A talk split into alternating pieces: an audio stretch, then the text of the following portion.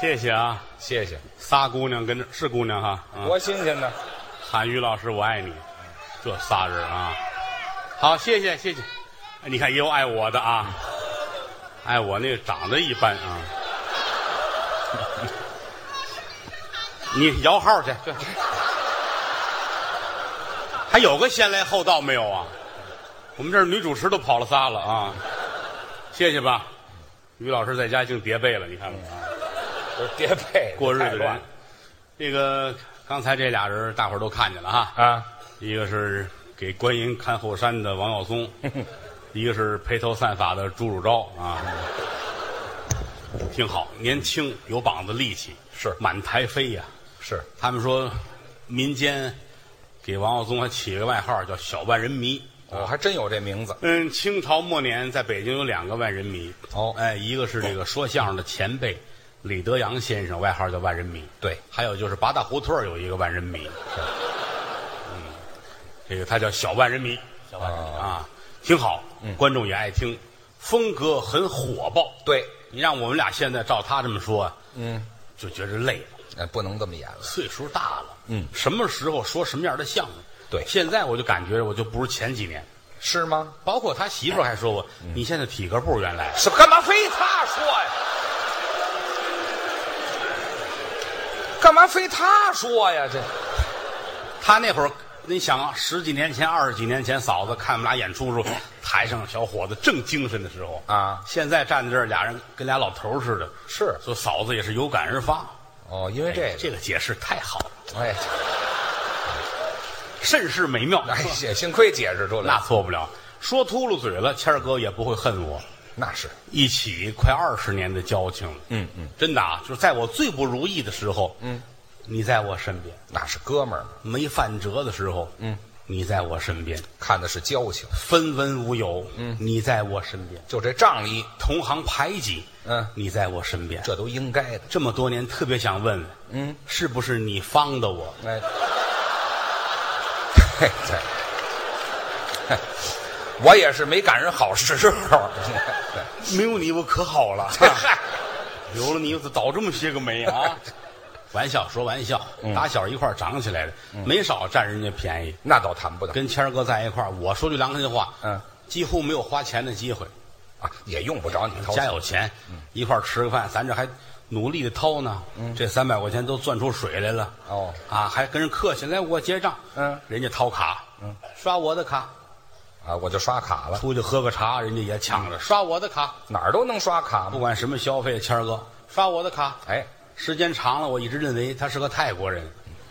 这跟泰国人有什么关系啊？刷我的卡，哎嗨，那是说刷卡的吗？那个 真有钱呐！嗯，当年我记得我刚有 BB 机的时候，嗯，我一说 BB 机，我估计得有个得四十岁往上的人了哈。还哎真是小年轻的不知道了。现在没有了传呼机，嗯，BB 机啊，就这么大一小玩意儿。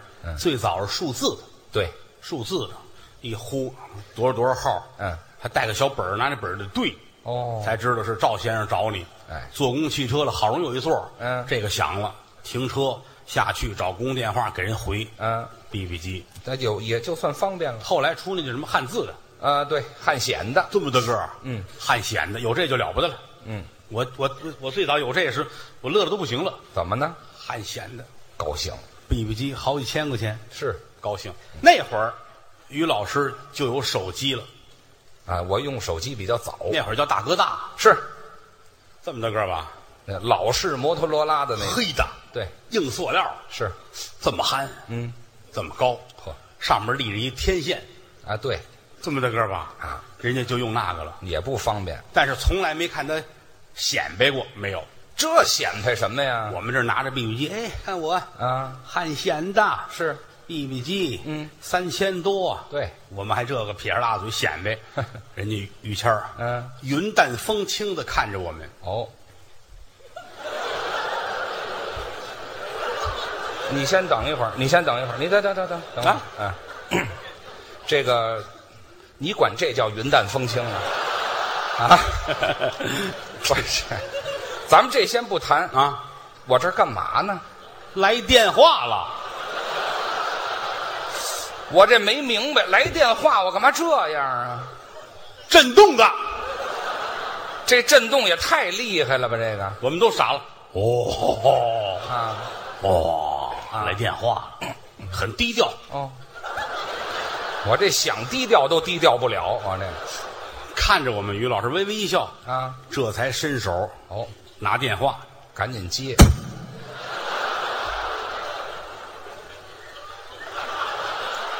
我这是甩甩上面的血是吗？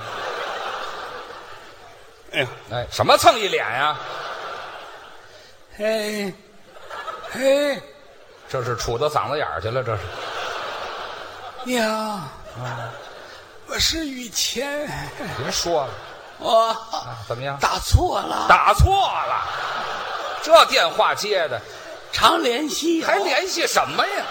谁认识啊？挂了电话，赶紧吧，放回去。没听说过，我这电话塞到哪儿了？我这电话啊裤子上有一个口袋，啊这个口袋比较紧，啊所以就， 哎，啊！你以为是我以为是塞皮带上了，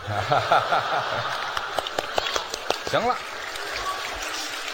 反正一听这声音就是穿破了口袋了。哎这么长，别比划了，那么憨，行了黑塑料啊，上面带电线，得这么一块吧？行了， 大回气，这是大气吗？这，回来吧，回来吧，回来。啊哎，行了，行了，行了，这还能答应就不错了，嗯，有钱，这这不叫有钱，全中国说相声最有钱，嗯就是于谦，嗯，谈不到他真有钱啊！啊，他不像我们，我们挣点钱就是一句句说来的苦熬苦夜，都一样吗？人家家是祖产。啊，留下点钱，现在你看说相声于谦，嗯，清朝在北京街上，你看见于谦敢这样说，你就完了。哟，怎么的就完了呢？人家跟皇上沾亲戚。啊，我们倒是宗室，清朝，咱跟马路上看见于谦，咱们都得跪那儿不这么大规矩。等人家于大人的轿子过去。嚯，你要那会儿于谦儿说一句完了，啊，人家于谦儿过来拿着刀，哎呦，两刀，哎呦，咱的自行车带就扎了。哎，我是流氓啊，是怎么的？我扎人自行车带去，我就是有身份呐、有什么身份呢他？实际上他是他是满族人，啊，我们在骑在旗是满洲尿黄旗的啊，尿黄旗的，什么？镶黄旗的，你闻着香啊！哎，，这你闻着是骚的，是怎么满洲什么骚黄旗的，那没听说尿骚旗，这是尿骚骚镶黄旗，香不筋儿的黄旗，哎对哎，降黄旗，哎，跟皇上沾亲戚。是皇上那支儿姓爱新觉罗，对，他们家这支儿，嗯，叶赫那拉。哎就那阵儿的宣统退位，取消帝制，嗯北京城旗人改汉姓儿，哦，爱新觉罗改姓金，这叫的多，叶赫那拉改姓拉我们挑这字儿偏点儿，啊，老拉家哎，还老拉去，有祖产啊，那倒是前门外前门大街，嗯路西，哦，这那一趟胡同嗯，都是人家家里的，全是我们家的，哎，皮条胡同，嗯啊，有这胡同，嗯皮条胡同，嗯，拉家哎，就是拉皮条那家儿是吗？这个我们不歧视工作，啊，这没有这工作，热情没听说过，态度好啊在，哪儿啊？反正是那胡同是您家的，对不对吧？哎，你就这么说行，这不就结了吗？啊，包括到后来他搞对象，嗯也说了，必须得是旗人，啊，对，那是我们得门当户对，那当然得找一个合适的。是这太对了。嗯，到后来，他这媳妇儿啊，真是也是满族哦，也是，爱新觉罗那阵儿的。哦，哎，你看这玩意儿，这媳妇儿家里边爱新觉罗的，嚯，他们家叶赫那拉的，嘿，这在一块儿门当户对啊。对呀、他老丈人我都认识，谁呀、北京有名啊，哦，爱新觉罗渊人。啊，哎呀，就就他老丈人，那就是坑人呢，那不就是？什么叫坑人呢？废话，冤人不就是坑人吗？就是就就叫两个名字，咱不会写，叫猿人。哦哎，两家门当户对。嗯他媳妇儿没问题，大户人家，哦，富贵人家的小姐，那倒是，富贵人家是北啊京一个歌厅啊，是吧？她是那儿的小姐是吗？就是那歌厅旁边有一大宅门，有大院子，他媳妇儿住那儿。你把它说清楚了啊！在这之前给介绍多少对象了？啊，来一姑娘，来一姑娘，他看不上，不行，不对眼儿瞧不上，哦不行。一直到遇见他媳妇儿，哦，俩人一对脸儿，嘿姑娘站在这儿，啊，于谦儿一瞧，哼，怎么样？于谦嗯，定眼儿一看，哎，就说这个姑娘这个气质，你哎你先等一会儿，你这这这就这表情，哎，就不要往下乐么滋儿你先不要就不别别说姑娘了，哎哎哎，我怎么看人家来了？定眼儿一看，那叫定睛一看，知道吗？差不多吧？差远了。按你说那我拿着大顶呢，知道吗？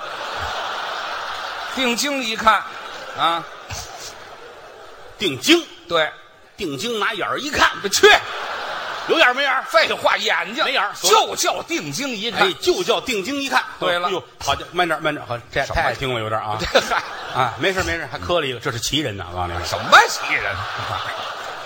啊，说到心心眼儿里头了啊。没听说过。于老师，哎，你定眼儿一看，你哎，看这嗨，是亲戚不是？定睛一看，像国舅的状态啊没，听说过。反正就看上他了，哦，就对眼光了。门当户对，就这几个字儿太对了。哦结婚之后，您得知道嫂夫人的好处，啊，我媳妇儿不错，就是一天到晚我们这么通忙，家里没个好媳妇儿，日子过不了。那倒是。这媳妇儿挑不出毛病来。哦，前些日子就这儿赶了演出啊，嗯于谦儿感冒发烧，嗯，嫂子那是真疼坏了。是谦儿，你别吃西药啊，怎么呢？西药有副作用，对，喝中药。中药好，嫂子给他熬中药，嗯，大半夜就这碗中药熬到三点半，那就要时间吗一？脑门子汗呢，是，这叫贤惠。对，大半夜三点半，嫂子捧这碗中药，嗯大郎，嗯嗯，你喝了它吧。嚯谦儿挣扎着，啊！等我兄弟武松回哎来呀的。嗨，我跟王妈妈在外屋，哎，怎么老有你呀、这里，你老跟着搅和什么呀？很好，好什么？这改潘金莲了都就形容那个意思呀没意。思在我心中，嫂子这份儿的。啊，还不挑不出毛病来，嗯，真好。有时候老上后台玩来，是啊，坐那儿等于谦儿啊。有时候你看后台一帮孩子们啊，围着我，师傅讲个故事吧，嗯哦，讲个那样的故事吧。什么孩子这是？你是说相声的坏小子可不都这个吗？啊师傅讲个那样的故事吧，嚯把我气的啊，什么话你师傅可得会别的呀，是吧啊？就会这个是吗？不是，我是会学不学过一个，不是忘了吗？是吧啊哎这？好家伙！学过一个，不也串到《金瓶梅》上了吗？是哎吧，？这以后别说，就讲这个今天不能讲，哦。你大妈在那儿坐着。还是他规矩。于谦儿媳妇儿在那儿坐着，嗯，我能同着嫂子我说那个吗？，对啊了，没品了，就是这，嗯，孩子们，哎呀，师傅您说一 个，嗯非听不可。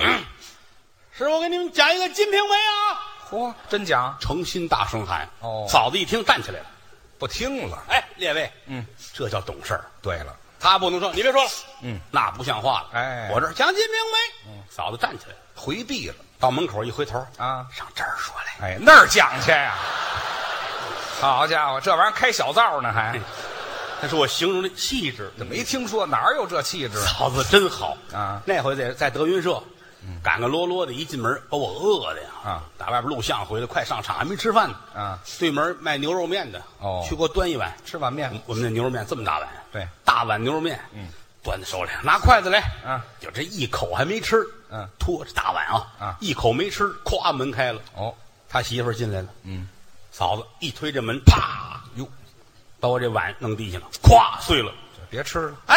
嗯，就我这哎没说完，嗯嫂子聪明，话到了，说什么了？没事儿哦，我陪你一晚。哎，我心里热乎乎的呀，我是得回家，你早就该回家。赔一碗什么？赔你一碗面，你知道吗？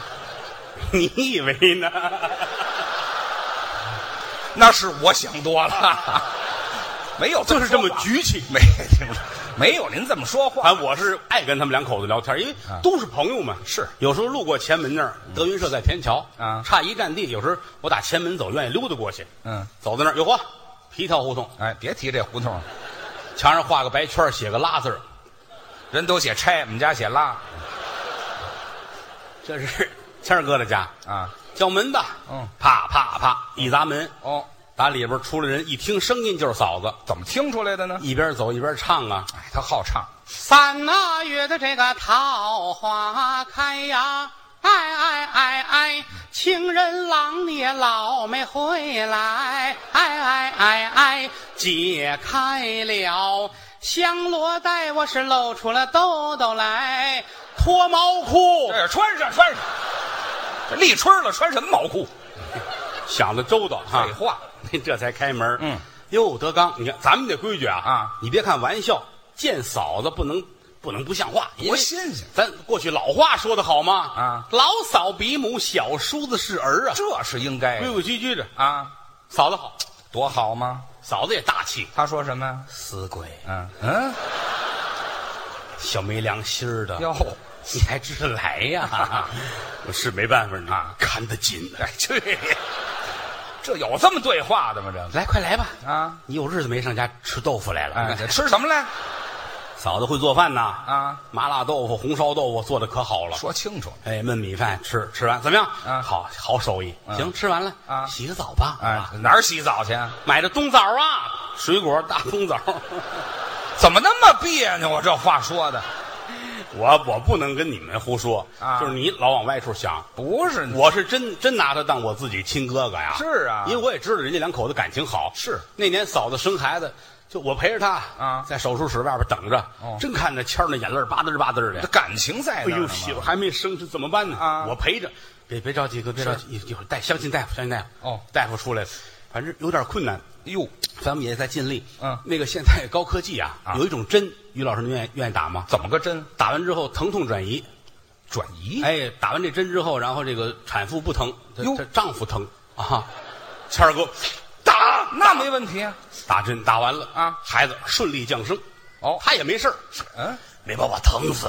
要又有你的事这里啊，你别老跟着往里掺和行不心行？疼啊，哎，这心疼啊，心。疼了，所以我我跟他这关系，我们这叫通家之好可以这么说。啊。有时候媳妇儿在家呢，跟嫂子聊会儿天儿有时候跟他父亲们坐在一块儿也聊会儿天儿也挺好的。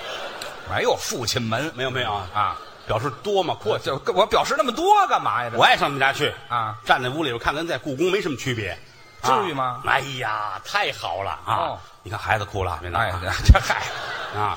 有人去过于家，有人没去过，有人在电视上看过采访。啊嗯哦屋里哪样东西都是文物。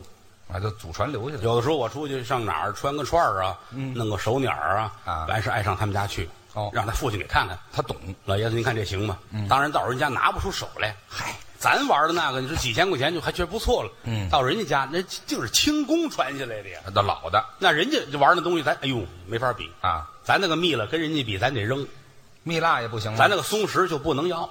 松石啊，人家家里那个琥珀，那看哎呀，琥你看珀都知道吧？琥珀有琥珀蜜了是一回事儿啊，呃，透明的和不透明的，不透明的叫蜜了，透明的叫琥珀。对，几百亿年前啊，树啊松树什么的掉的那个油脂，哎，就松油子嘛。松油子掉上了，嗯，又过了多少亿年，咱也不懂吧？嗯，再出来就那个玩意儿，对，一块儿一块儿的石化了哎，这叫琥珀，里边要有一虫子啊了不得了。那叫重破呀。价值连城。对有一片树叶儿这都行啊。啊是是有小飞虫，哟，就了不得了。嗯人家家那个琥珀啊人家那个，人家里边带长颈鹿，知道吗？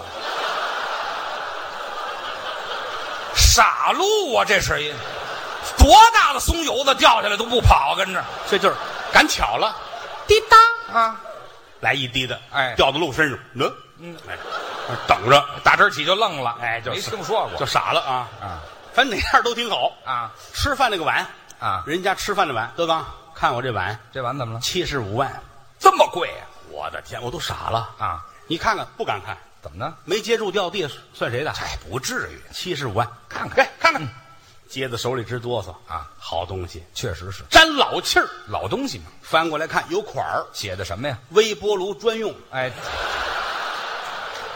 我们家撑的是怎么着？七十五万买一微波炉的碗，太有钱。上您家去，我的目的就是长知识，呃，学能耐哎，学能耐，哎对吧？对跟他父亲一块儿啊我爱跟他爸一块儿待着啊，是吗真的，因为他父亲，我我认为那是个万宝全书。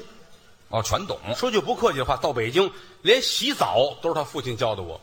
洗澡还用它教吗？老北京最讲究洗澡，哦讲究的主儿这一天在澡堂子里待着，哦，那叫糖腻子。澡堂文化。对对对，这老头儿从早上起来就去，哦我原来没有这么讲究啊。嗯人家老头儿跟我走，哦，青花池看一看。那儿可是好澡堂。老头儿带着我，虎坊桥啊，对对对，指着那块匾，嗯，青花池看看吧，啊，百年老店，没错，在这儿洗澡是身份象征，确实是。在这儿洗。嗯老头儿脱了，嗯，脱呀，少爷。对呀我说老爷子别去，为什么呀？还没进屋呢。门口啊，大街上脱光眼子了，就没听说过。哎，老头儿就站在湖广会馆边上 就，好家伙，要要卖票，对，哎，这个嗯卖票还不 错。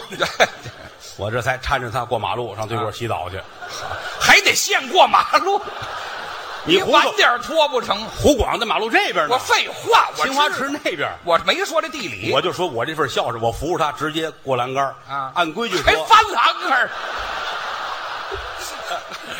好我没带他绕二环去，我就便宜他 了，好家伙，知道吗？哎呦检查身体都没这么大动那作，错不了。哎，倒是仗着清静，哎一万多 人 看哎这这能少得了吗？这啊是，就说这意思。洗澡跟老头儿学怎么叫享受，人家那嗯哦是真享受。是老头儿青花池洗澡，嗯，洗头一水儿什么叫头一水呀？就这一天澡堂子来多少人洗完了，把水放干净了，啊刷完了池子，换完了新水，嗯谁第一个进来洗，嗯，这是身份的象征。哦，这叫身份，凌晨四点啊头一个下池子，这么早？这叫头一水儿。嚯就是你爸爸就这个，就大清朝一老一少，就这个贵族气息改不了。那是就必须这样，这个贵族他跟暴发户不一样啊，那确实暴发户一天一万个，嗯贵族气息三辈儿出了一个，真是这样，那是骨子里的东西啊。没错，早晨四点，他为了洗头一水儿啊你说这个身份，他讲究嘛。伙计们在里边换水，快点快点快，老爷子外边等着呢。是是是，身份啊，嗯，老爷子在门口，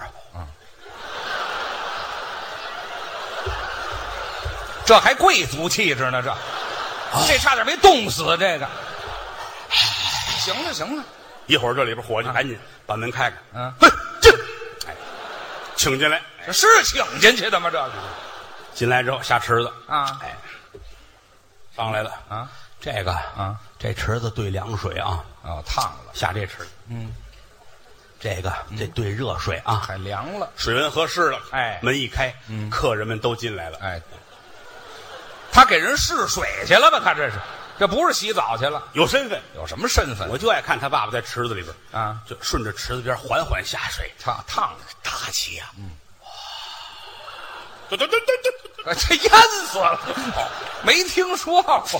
哎，脚底下没死住地。哎，对，接着假牙哎呀，嚯，在池子里涮，别涮了。万幸是头一水，哎，嗯，哎呀，这水到这儿啊，这泡吗？好开心。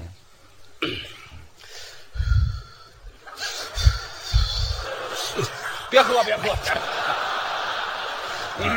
我爸爸泡茶碗里头了，这是张嘴就喝呀，这样有身份，跟这儿泡会儿啊上来又搓澡，哦搓完澡吃早饭，啊，吃这早一点嗯天那雷打不动，就这三顿饭，啊。就他讲究养生，哦，而且老头儿吃饭没有吃饱一说，怎么着？六成饱，哎，这是最健康的，咱不懂啊，人家这个有钱人的身份啊，嗯，老头儿一顿六分饱，嗯就这样，为了养生，半饱。早上起来嗯，卤煮火烧，卤煮就火烧，是卤煮小肠，不要火烧啊，不要火烧，哎，干吃肠啊。这肠儿，一大碗啊哦，就蒜，哈哈哈哈哈哈。这才六成饱。啊哎，六成饱，哎嘿，全靠猪肠子啊，填六成饱，好家伙！再不够呢，拿蒜凑，哎呦，嘿呦，哎，这早晨起来。贵族到中午要吃正经的午餐了，哎嗯哎，就是那个那个炖吊子，这是大肠了哎，。猪大肠，猪大肠，哎，大盆吧，来大盆啊，哦他倒不护食，那是啊。到晚上要吃点清淡的东西了，清淡的是猪大肠刺身，哎生的呀。刺身现杀的猪，好家伙，这猪都捆好了，嗯，师傅拿着刀跟着等，老爷子来了吗？啊来了啊，走，嗨，宰了。宰猪，嗯先给掏这肠子，哎呦，啊，淘完之后弄好了，嗯，这边师傅抱着，哦肠子头递给你爸爸，嗯，你爸爸把这肠头搁嘴里，你先等等等等，你先等会儿吧，等会儿吧。拿着肠子头嘬呢，不是吃肠子呢，啊那是吃肠子里头这点玩意儿呢。热乎乎啊，什么热乎乎啊！我爸爸一天太骚气了，这个，这点饭吃的全是肠子。六成饱，哎，这六成饱嗯那，一般的人看看就吐了啊。那是，他也是硬吃，那是，睡觉前啊有一顿甜点，还甜点，人参，这可好东西了东北野山人参，啊！哎，得有这么长，嚯，拿红糖把它腌透了，哎呦，睡觉前三根儿，睡觉前三根儿每天啊，啊，睡觉前三根儿。好家伙，列位啊，红糖腌的人参，嗯，人啊，嘿啊，大象也受不了啊，多新鲜呢！老头吃的眼珠子都红了，是啊，好几天不上厕所啊。啊是上火呀，我去了，嗯，哎，德刚， 咳哎，好几天没上厕所了啊看我这眼珠子都红了，是，你看我这怎么回事？肚子胀得难受，就啊结不出来呀、嗨，大爷，张嘴，嗯，张张嘴啊啊！什么毛病便秘啊！啊？怎么瞧出来的？他是看张嘴看便秘，我觉得状态看舌苔嘛，看舌苔嘛。您呐，嗯，蜂蜜，嘿您那人参什么，别别吃了，早再应吃该非停试试不可啊你这个嗨，其实也不用费那劲，啊你就买点香蕉吧，买点好的好的那个大香蕉啊，嗯买买一把，有两三根儿就行啊。哦，哎，吃吧。过了几天我又去了，嗯，大爷，嗯，香蕉怎么样？不管用啊！不管用吗？打你走到现在也没去厕所呀。嗨，不能啊！啊，于谦儿也便秘，嗯我给他出这主意，是他吃了两根儿就好了对呀、啊，怎么着？吃啊，你以为呢？可不是吃吧？不不，就没听说过。那手机占着地方呢。 你这么一说我就明白了，废话我这后来告诉他赶紧怎么吃，怎么多吃点青菜。啊，就是，说良心话，老头儿有头疼脑热，我真心疼，那是，因为这关系在这儿，交情在这儿，那真疼他没事儿我还上找他玩儿去呢。啊走到胡同儿一探头，哟呵，啊！你父亲在门口呢，哦老头儿没在屋里边儿哦嗯啊，跟院儿外边儿胡同里边儿，他父亲正站街呢。啊，这叫什么话？没在屋里边儿，不是街上站着吗这？在在马路上晒太阳呢，啊，晒太阳看书呢，什么晒太阳？是吗？老头儿拿本线装书，老板的他父亲嗯站在胡同里边儿哦，跟这儿摇头晃脑的。啊，你你先等一会儿，你你这个文化跟谁学的？你摇头晃脑，哎，这摇头晃脑，那是我妈，咦记住了。有时候我跟老头儿也说，嗯我说您现在不错，吃喝不愁，孩子们也都好，嗯儿媳妇又孝顺啊，您这一生算行了。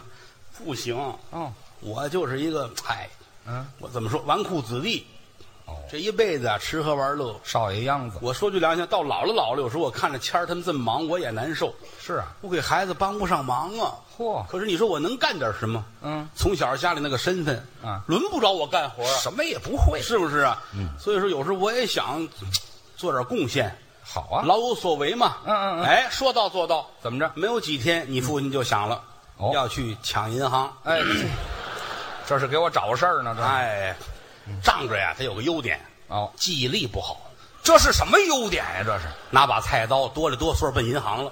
嚯，一进门，人保安大爷什么事儿？嗯，忘了，哆里哆嗦又出来了。嘿哈，保安给送家来了啊老头儿很感动哦做了个锦旗，写“人民卫士”送这去。不是撑的吗？这不是老头儿后来自个儿说啊？人老不以筋骨为能，对，劫财不行啊，那您打算？劫色啊嗯哎，好家伙，真能想也不谁给他出的主意，啊！拿块手绢儿哦，买点乙醚，啊，真懂。这乙醚只要我一捂，人就晕了。嗯老头儿高兴坏了，啊冬天晚上嗯，拿手绢儿乙醚撒在上面，倒点儿奔外边儿嗯公园附近嚯找那个单身女青年。哟，就这模样还劫色呢？这个啊老有所为呀、别提老有所为了，老有所乐。哎对， 老有所为所欲为之。哎，哎 嘿给孩子呀、减轻点负担。哎，对，哎，别老跟家里混吃等死了，啊，对，给社会做点贡献吧。这样死得快。嗯， 前面有一姑娘，真来人了。姑娘背着小包，穿一高跟鞋，哦下夜班，夜里十一点多，嚯姑娘跟那儿嘚儿哒嘚儿哒嘚儿哒嘚儿哒走。哦你爸爸高兴了，嚯，来，追得上人家吗？紧着往前追呀啊姑娘听见后边有人了嗯啊，怎么着？一回头，你爸爸害臊了，哦假装， 哎嗨，自己给自个儿捂上了你爸爸再睁眼，啊！转天早晨八点多，嚯在公园里边儿啊大长椅子上躺着，哦，一丝不挂。谁给谁劫色了？这是老头儿挺高兴啊，挺好，什么挺好？挺好，这不就老有所为吗？谁是吧给 你别看他脑子不好啊，你像这日子，他开始忙了，忙什么呢？找张纸把亲戚朋友都得写上。干嘛呀？快过年了，哦，给大伙儿得拜年，这规矩他有。先去谁家，后去谁家，嗯几点到哪儿，待多长时间，嗯，都得写上。这是有讲究的。老理儿啊，嗯第一家谁？哦，你岳父，那是必去的。爱新觉罗冤人哎，别提这名儿了，啊！啪啪啪，一打门，老亲家。你岳父开门，嗯，你爸爸打外边进来了，哦，还拖着这个呢？ 点心， 你早说呀！点心，你以为还是那个了？废话，我以为还是乙醚呢。啊不是不是，没有初一用一米的。啊， 对对，十五也没有。 你开门，你你父亲打外边嗯，哎，进来了，嗯，哎你岳父打里边 啊，这好，俩人指不定谁劫谁呢。 嗯要不成亲家了 吗？啊对这个门当户对很 重要。别介，没听说过，你你你岳父是拿了个水壶，哦拿个水壶，全这么拖着。哟哟，快去！哎呀，老哥哥，快来吧！嗯高兴了，倒水。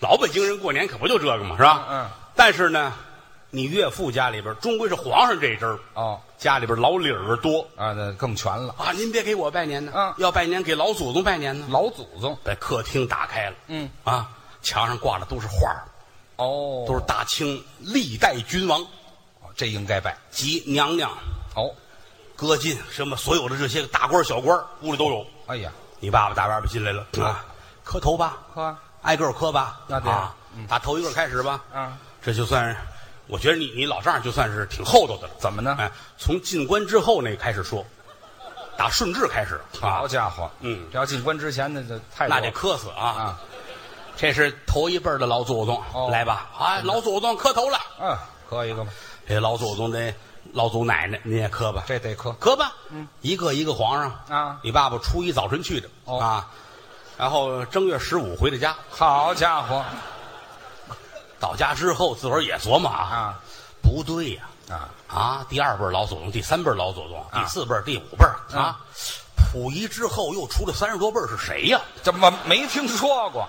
不成，嗯，我上了冤人的当了嗯，啊！那是冤人，他这个名儿起的太合适了啊啊，我也得报复。这怎么报复啊？可是你们家没这么多老祖宗画像，对你爸爸真有主意，他干嘛？找卖年画的，哦卖画，哦，一个男的，一个女的，我要那个。一个男的配一个女的，哦一个男的配好些个女的。嚯，卖画的这小子是个坏蛋，怎么呢？他平时卖的是年画，偶尔呢也为一些特殊人群啊进一些特殊的画。就那个黄色画片儿，这我懂。哎，嗯你有点家传啊，废话，你说的就是那意思西洋的油画哦肖像裸体的那个啊啊。嗯大爷，您真要啊？我要，太好了，弄一大捆。哦你爸爸抱回家，这回行了，行了，冤人你来吧，哦哎等着他到我们家，我让你磕死啊！哎，老祖宗、老祖奶奶、老祖宗、老祖奶奶，哎哎，搁在屋里等着，这一大卷子没打开，哦，一直等到你岳父来啊一进回来门，哎，过年好，我来拜年，好，亲家，哎就等你了，可来了。老祖宗、老祖奶奶都等你呢，哎你准备磕头吧？来这是我们家第一辈儿的。啊，哟，你来早了，嗯老祖宗还没起呢。这没听说过。感谢您的收听，去应用商店下载 Patreon 应用城市，在首页搜索海量有声书，或点击下方链接听更多小说等内容。